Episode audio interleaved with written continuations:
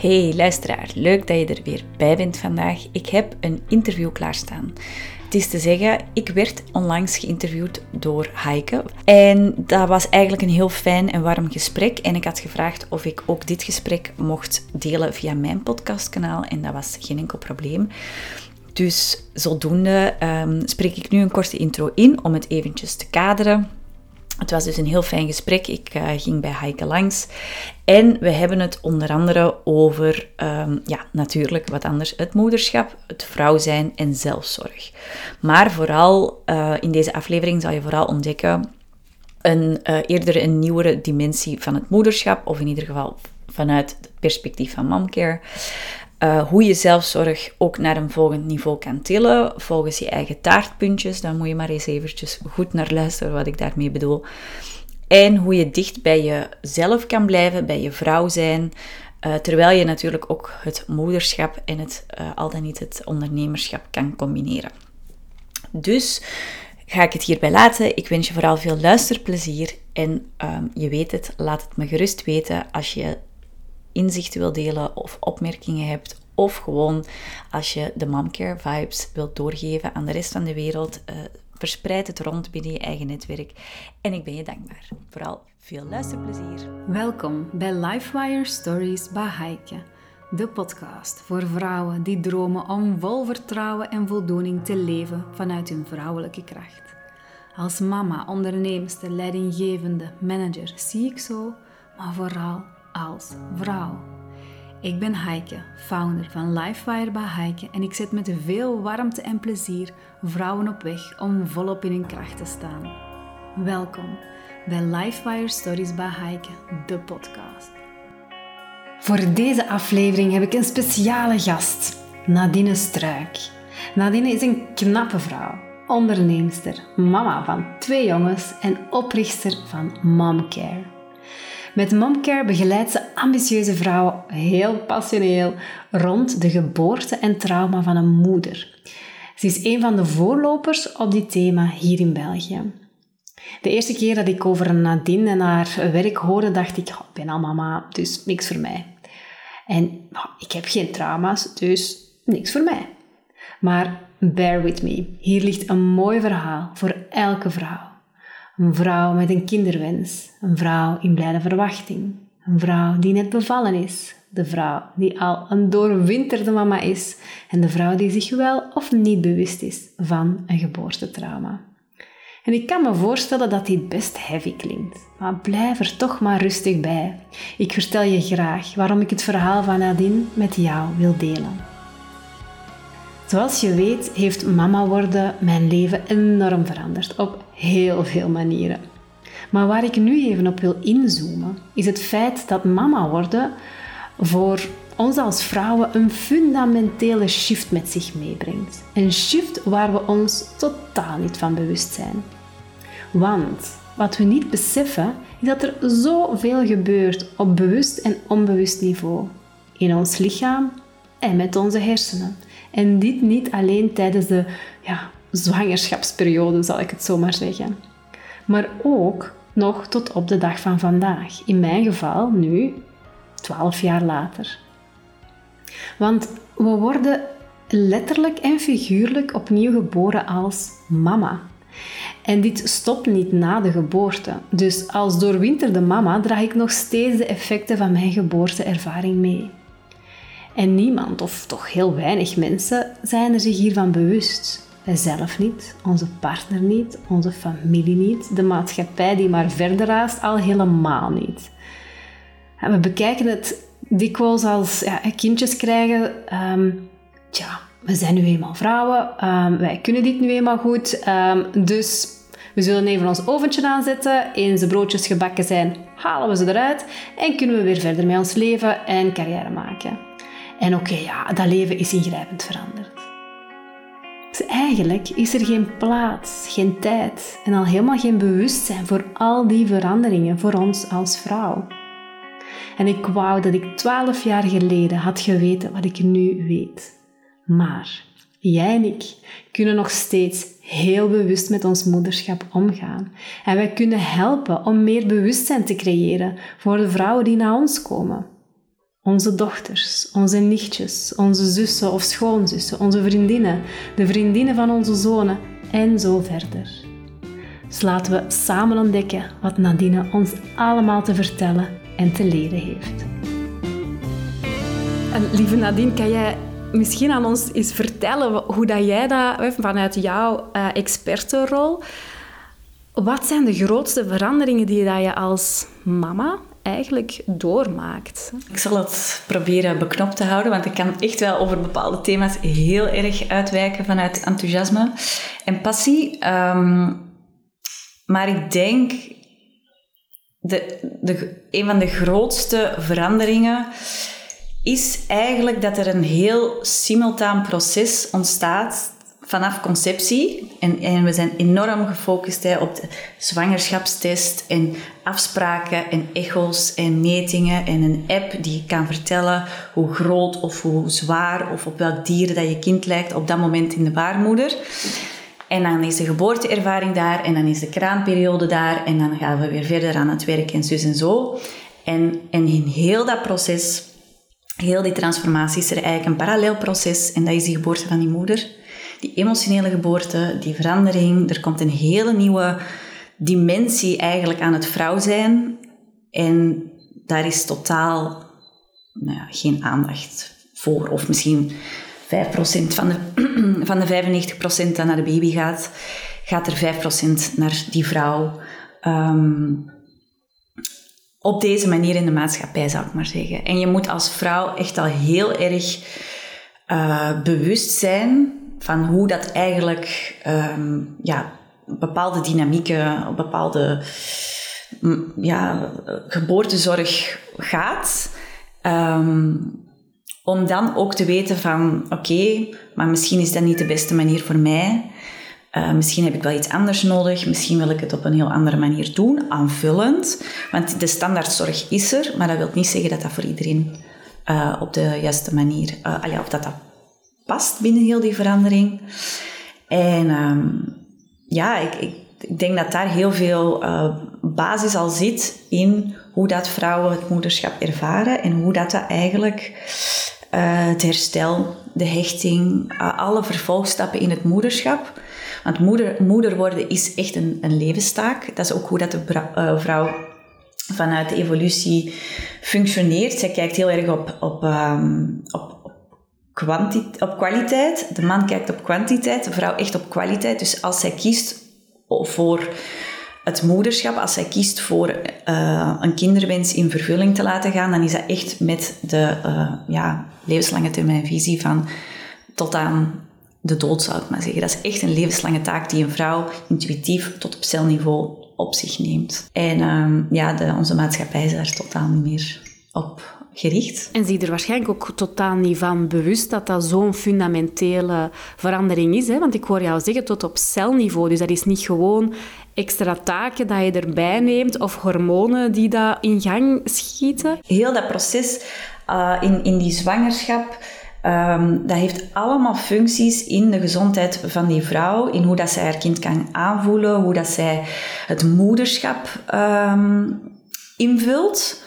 Eh, de moeder dat zij kan zijn voor haar kinderen, dat, heeft allemaal, dat is allemaal met elkaar verbonden. En wij, wij zien, ja, we leren ook eigenlijk een beetje het, het, het moederschap als in een paar losse fladders, als in negen maanden zwanger en dan een geboorteervaring en dan een uh, moederschapsrust, tussen aanhalingstekens doe ik dan.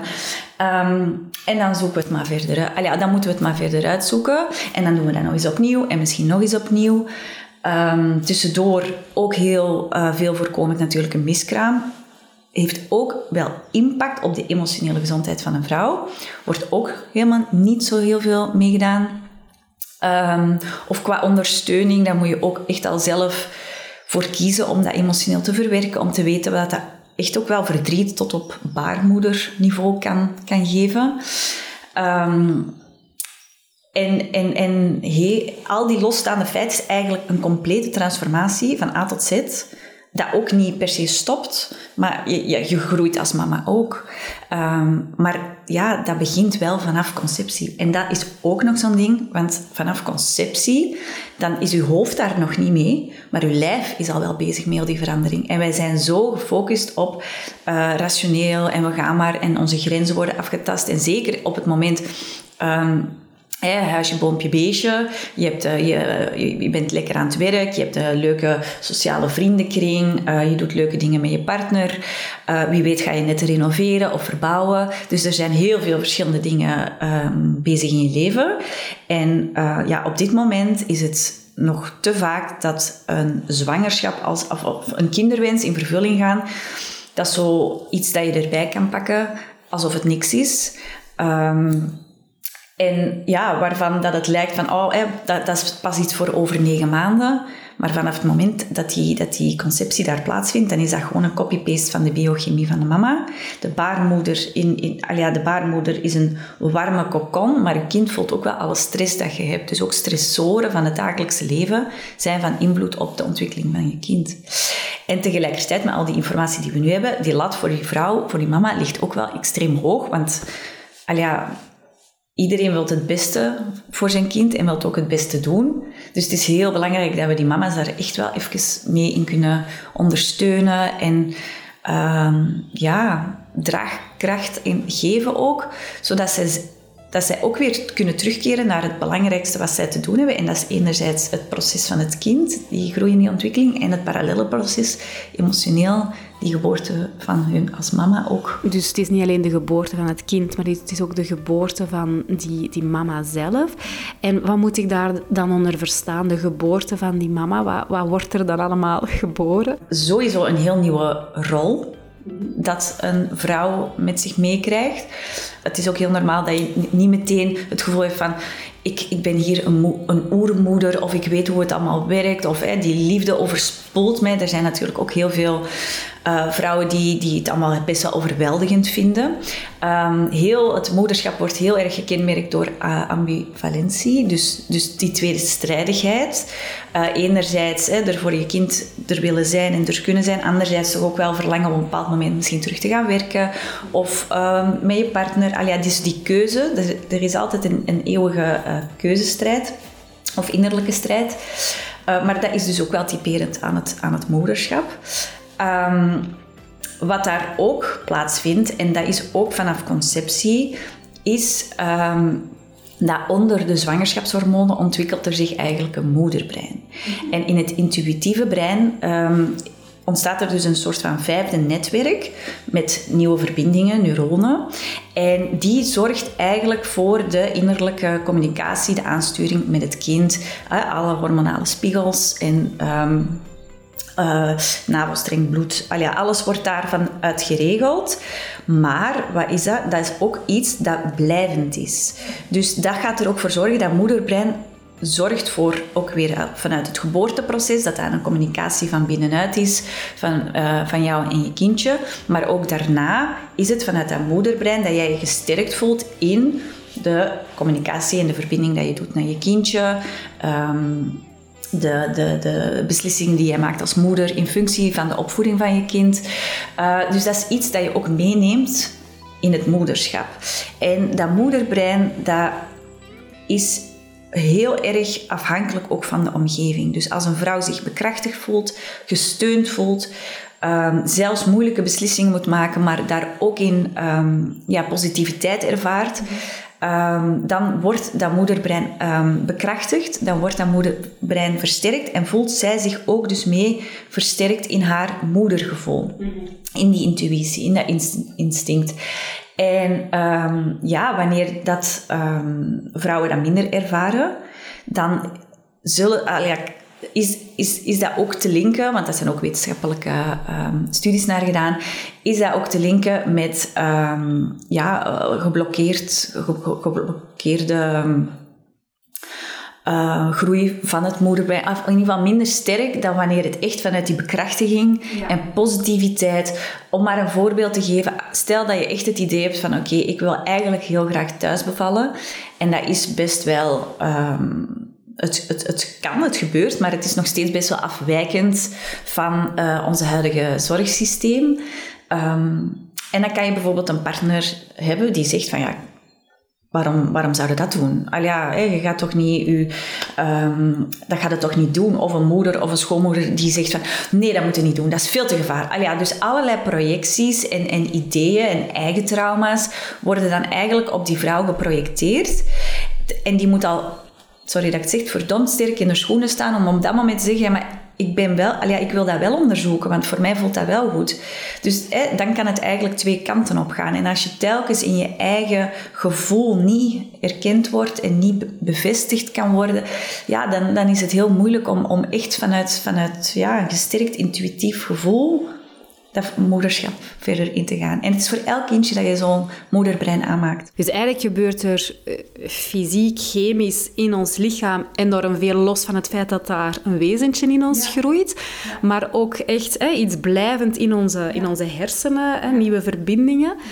Um, en dan daarnaast heb je dan nog eens de, ja, de druk, de vooroordelen, um, verwachtingen van anderen, meningen van anderen, die dat je dan ook nog eens moet, uh, moet zien te, te verwerken. Veel vrouwen weten ook niet dat het anders kan. Dus die gaan ook maar gewoon mee met de malle mollen. En van het moment dat, dat er dan een positieve test is en een eerste afspraak, ja, dan staan bijna al die afspraken voor de, eerste, ja, voor de komende negen maanden vast. En dan is het eigenlijk van afspraak naar afspraak naar afspraak. Je wordt een beetje geleefd op dat vlak ook. En enerzijds is het, uh, ervaren veel vrouwen dat ook als fijn om die afspraken te hebben, die controles, die, die, die, die bevestiging van oké, het gaat goed met mij en met mijn kindje. Maar um, ja, in feite hebben wij geen externe persoon nodig om te weten in hoe het van binnen met ons zou gaan.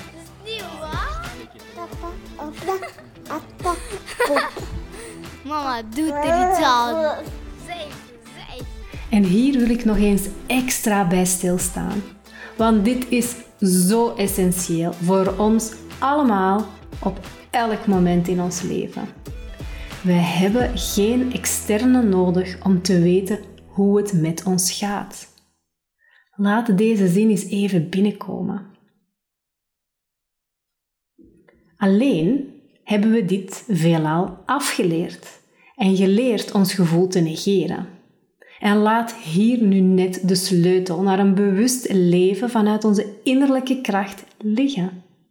Want wanneer wij terug in contact komen met ons lichaam en ons hart, wanneer wij terug durven voelen hoe wij ons voelen, wanneer we dit gevoel durven laten zijn zonder het groter te maken of te dramatiseren, maar ook het niet te minimaliseren.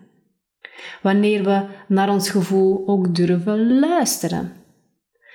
En durven luisteren naar waar ons hart van gaat zingen. Wanneer we onze ja durven volgen, dan komen we steeds dichter en dichter bij wie we in onze kern echt zijn. En ja, dat vraagt moed.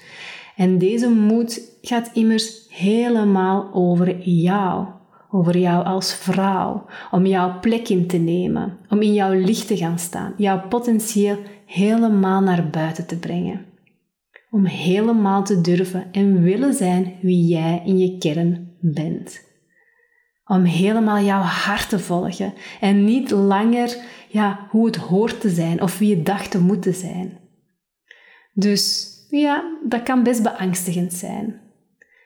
Maar je bent net moedig wanneer je bang bent of angst voelt en dan toch stappen zet. Waar moed is, is meestal ook angst, maar ook liefde en vertrouwen. Zijn wijze vrouw me eens. En die laatste twee zijn altijd krachtiger. Dus, lieve vrouw, verbind terug met je gevoel. Check af en toe eens ja, hoe het met je gaat. Dat kan gedurende de dag. Daar hoef je geen uur meditatie voor te gebruiken. Het kan kort, enkele minuutjes aan de koffiemachine. Even invoelen, even verstillen, even bewust ademen. Het belangrijkste is dat je incheckt bij jezelf hoe het met je gaat. En wat jij dan even nodig hebt om vol kracht en vertrouwen verder te gaan. Moeder worden is echt zelfonderzoek. Dat is echt ontdekken en, en dat is ook gewoon je lichaam herwaarderen. Um, dat is, ja, het, heeft echt ook met die emotionele, met dat intunen.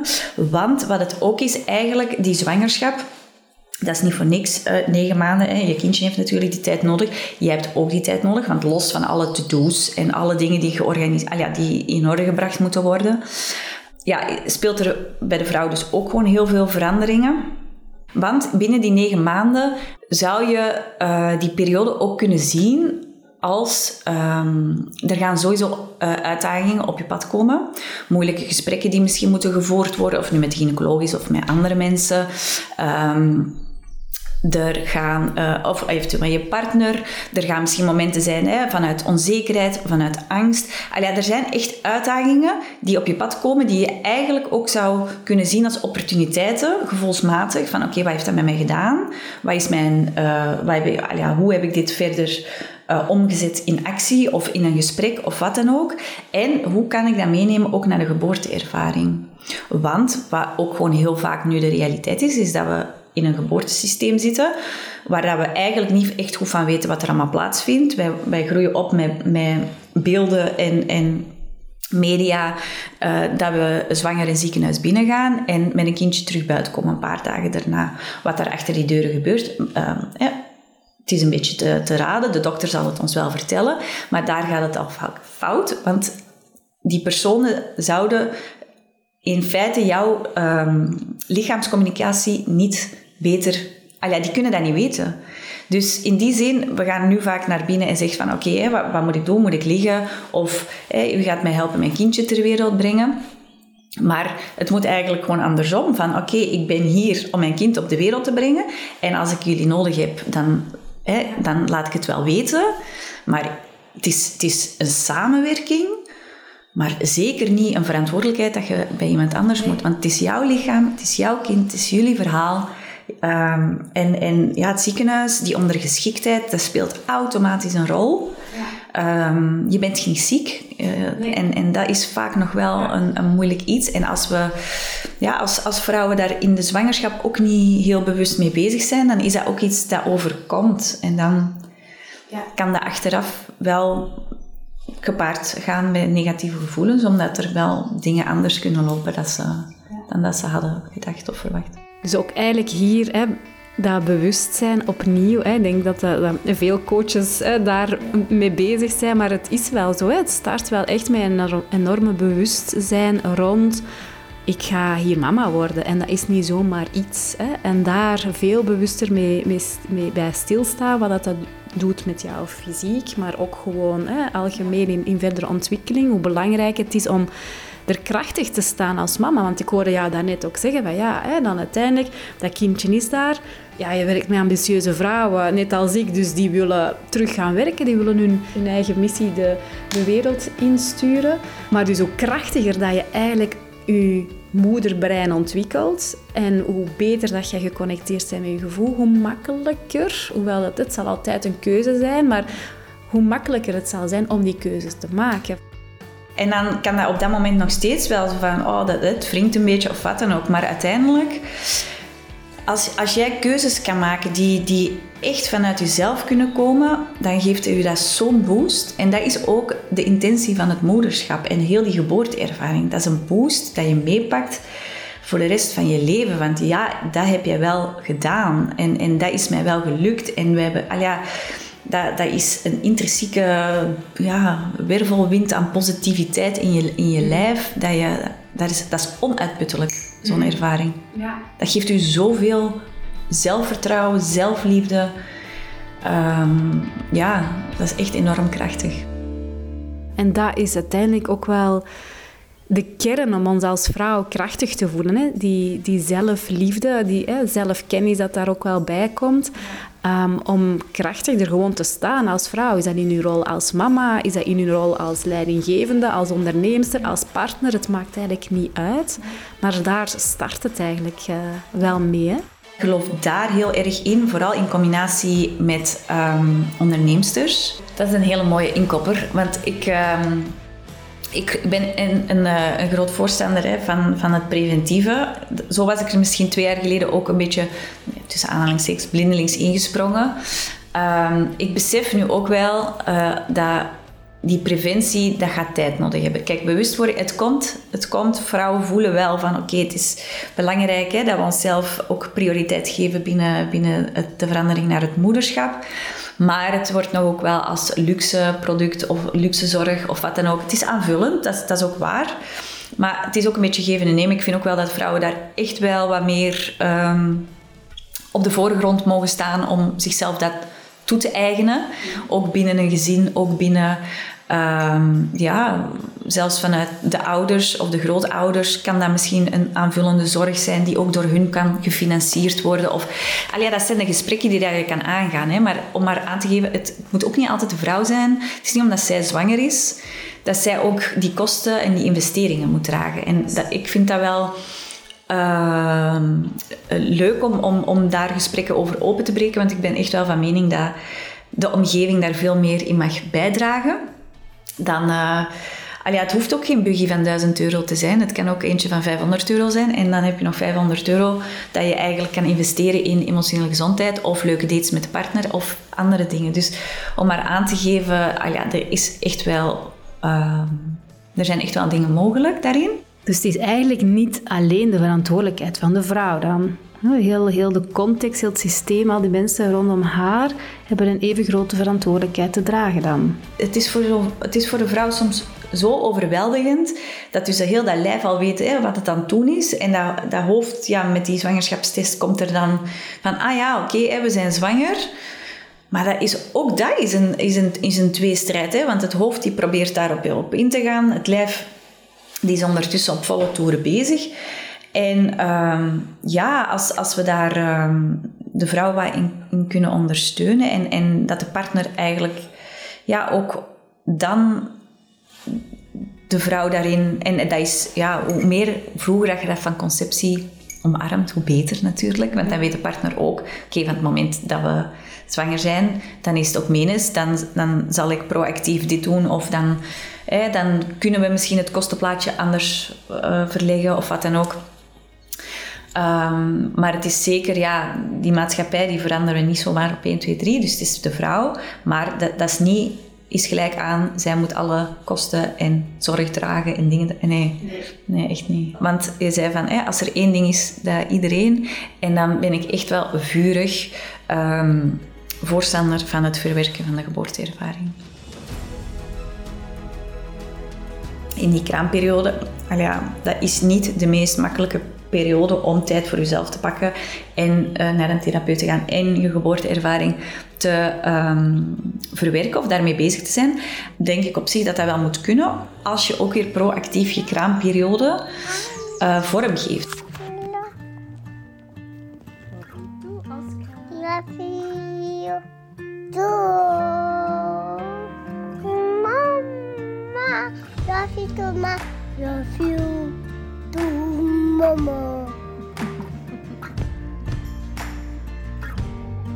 Want ik denk dat daar de toekomst ook naartoe gaat. Dat je uh, op een bepaald moment misschien met je kind bij een dokter zit of wat dan ook. En die vraagt naar de geboorteervaring als startpunt van, het, van, van, van je, de gezondheid ook van je kind. En, en, en, je krijgt dat een beetje in je gezicht en je begint te huilen of je denkt van, oh, ik weet er eigenlijk helemaal niks meer over of wat dan ook. Al ja, dan, dan breekt mijn hart nu al. Omdat dat verhaal mag er wel zijn, hoe, hoe, hoe het verhaal dan ook gaat. Maar het is zo belangrijk dat je ook weet van welke zaken dat er zijn gebeurd of ontstaan. Eén, dat dat niet jouw schuld is. Al ja, dat er echt wel meerdere factoren zijn uh, waarom dat het dan waarschijnlijk zo is gebeurd. Um, en vooral ja, de dingen die je wel hebt kunnen doen of waar je bekrachtiging kan vinden, trotsheid.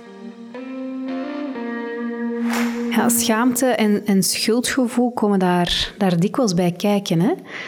Um, en dikwijls is het, zijn we ons niet bewust van, van een trauma of zo, dat, waar we um, mee, mee te dealen hebben. Maar we merken gewoon dat de dingen niet zo vlot lopen. Of we voelen dat we ergens tegenaan lopen of, of ergens met een rem op zitten. Hè? Um, maar ja, en dan voel je je beschaamd om daarover te praten. Of je voelt je schuldig hè, ten opzichte van je kinderen of je partner.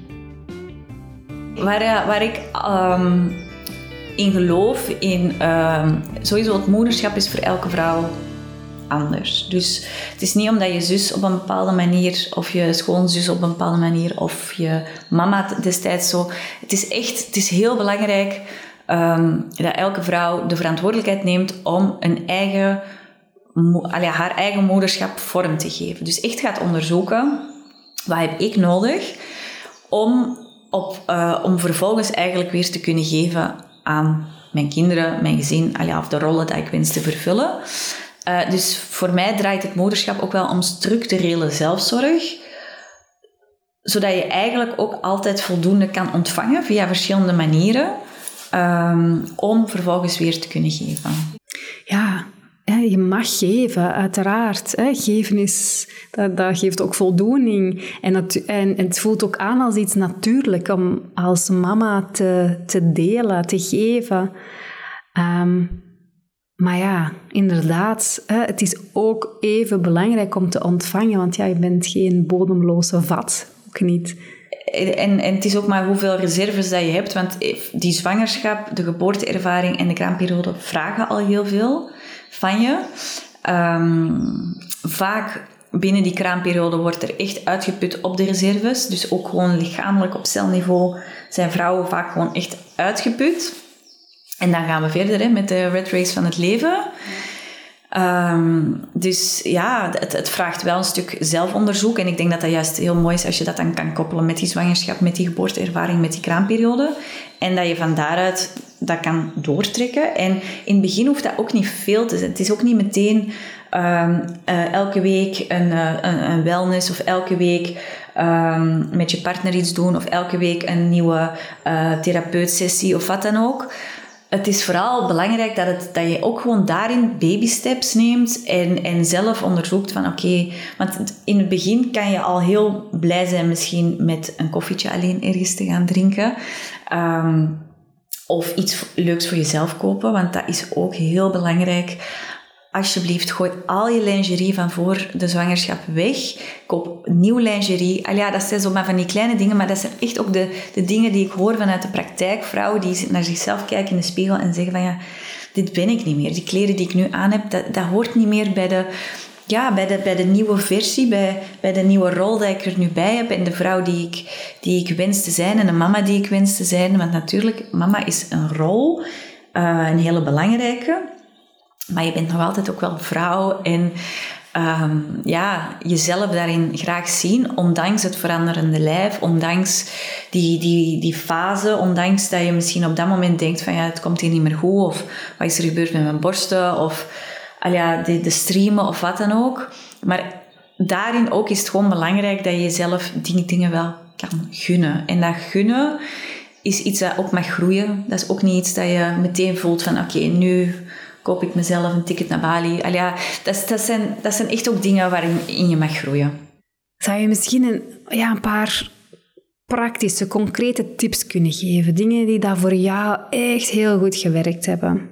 Ik ben uh, uh, sowieso een uh, groot voorstander van je eigen verjaardag vieren. Dus dat dat al een hele duidelijke kruis in je agenda krijgt. Um, sinds het moederschap en sinds momcare ben ik heel erg in het vieren van de verjaardag van de kinderen, maar dan ook vooral vanuit het perspectief voor de mama, dus birding days. Om stil te staan eigenlijk ook wel... Uh, het draait uiteraard die dag om je kind en de verjaardag van je kind. Maar voor jezelf mag je, vind ik, dan ook wel even stilstaan bij het feit dat je die dag geboorte hebt gegeven. En uh, ook daar denk ik weer dat het ja, super mooi is als je daar met de wijsheid op kan terugkijken wat er effectief heeft plaatsgevonden. Eerder dan dat je het wegstopt of denkt van ja, maar ik ben blij dat die dag, dat ik, dat ik niet meer over moet doen. Um, dus daar stimuleer ik vrouwen altijd wel heel graag in, om die dagen in ieder geval te omarmen. Uh, en verder heb ik um, ja, merk ik dat dat bij mij ook stelselmatig is gegroeid. Natuurlijk helpt het ook enorm als je een partner hebt die je daar ook in ondersteunt, die, um, ja, die daar ook voor open staat. Ik weet, ik heb wel erg gemerkt dat het de eerste keer dat ik mama werd, heeft het ongeveer een jaar geduurd voordat je dan echt zo'n beetje comfortabel voelt om echt ehm, een nachtje of zo weg te gaan. Ik had wel momenten uh, dat, ehm, dat mijn kindje naar de crash of familie ging en dat ik dan eh, een koffietje of zo ging drinken. Maar nu, bijvoorbeeld twee weken geleden, ben ik dan vier dagen um, op vakantie gegaan, alleen. Allee, ik ging naar mijn mama in Portugal, maar ik ging wel alleen. En het, dat is ook zoiets, ik denk dat we onszelf ook niet gek moeten maken in ons eigen hoofd. Want, geloof het of niet, um, de jongens hebben nog nooit zo goed geslapen in hun leven. En mijn mama moest, moest drie, drie keer in de ochtend wakker maken. Om maar aan te geven, het is ook niet allee, altijd nodig. Of je weet het ook niet altijd beter. Het is denk ik heel krachtig om samen met je partner te ontdekken en ook je partner die vrijheid te kunnen geven om zijn ouderschap uh, vorm te geven en ah ja, een stukje terug, om dan weer opgeladen terug te komen. Dat is volgens mij het krachtigste wat dat je kunt doen, langs de twee kanten en ook aan je kinderen zo te laten zien. Uiteraard ook samen dingen doen, maar dat dat ook kan en mag en ja, dat dat dan ook effect heeft. Maar ja, dat van dat slapen, dat vond ik dus echt wel weer dan dacht ik van ja, hè, je kunt daar van alles in je hoofd bedenken van slechte moeder en nu gaat je alleen weg en weet ik veel wat. En zo zie je maar dat, ah ja, dat voor iedereen misschien wel even heel goed was om... Uh,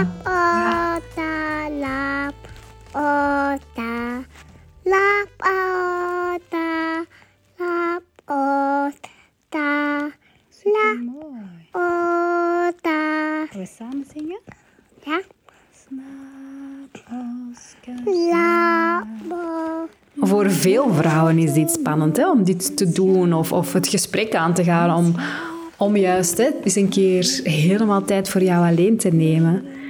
Um, maar het is ook iets maatschappelijk hè, dat dat ook nog wel leeft. Er zijn heel wat vooroordelen om, ja, rond dat, die tijd voor jezelf te, te nemen, om echt jezelf op nummer één te zetten. Um, dus die shift is bezig.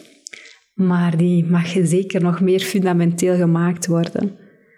Nu, we zijn stilletjes aan tegen het einde van, het, van ons gesprek gekomen. En uh, wat ik aan elke vrouw vraag die hiermee aan de tafel zit. Hè, um, wat is jouw wens voor onze community? Sterke, ambitieuze vrouwen.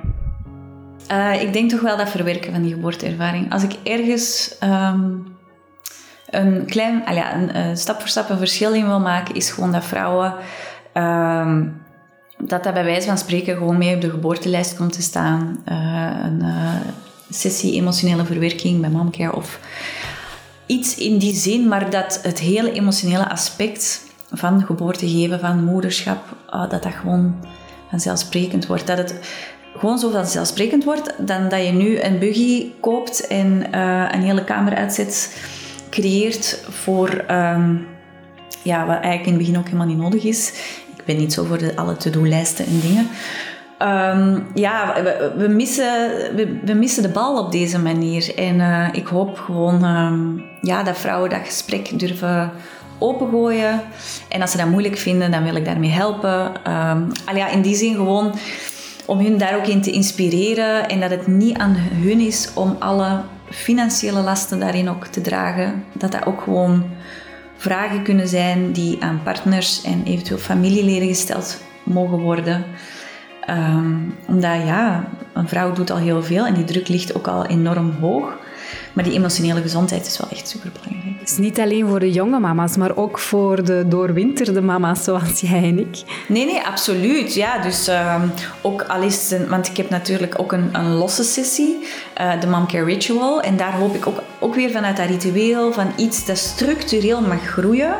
Die, dat, dat structureel, dat vind ik, uh, dat vind ik ook wel echt ja. heel waardevol. Allee, of dat zou ik heel waardevol vinden, dat vrouwen zich dat ook wat meer um, toe-eigenen, gunnen. Ja. ja, die zelfliefde daarin. Ja, mooi. Welke concrete tip zou je in deze community vrouwen nog willen geven?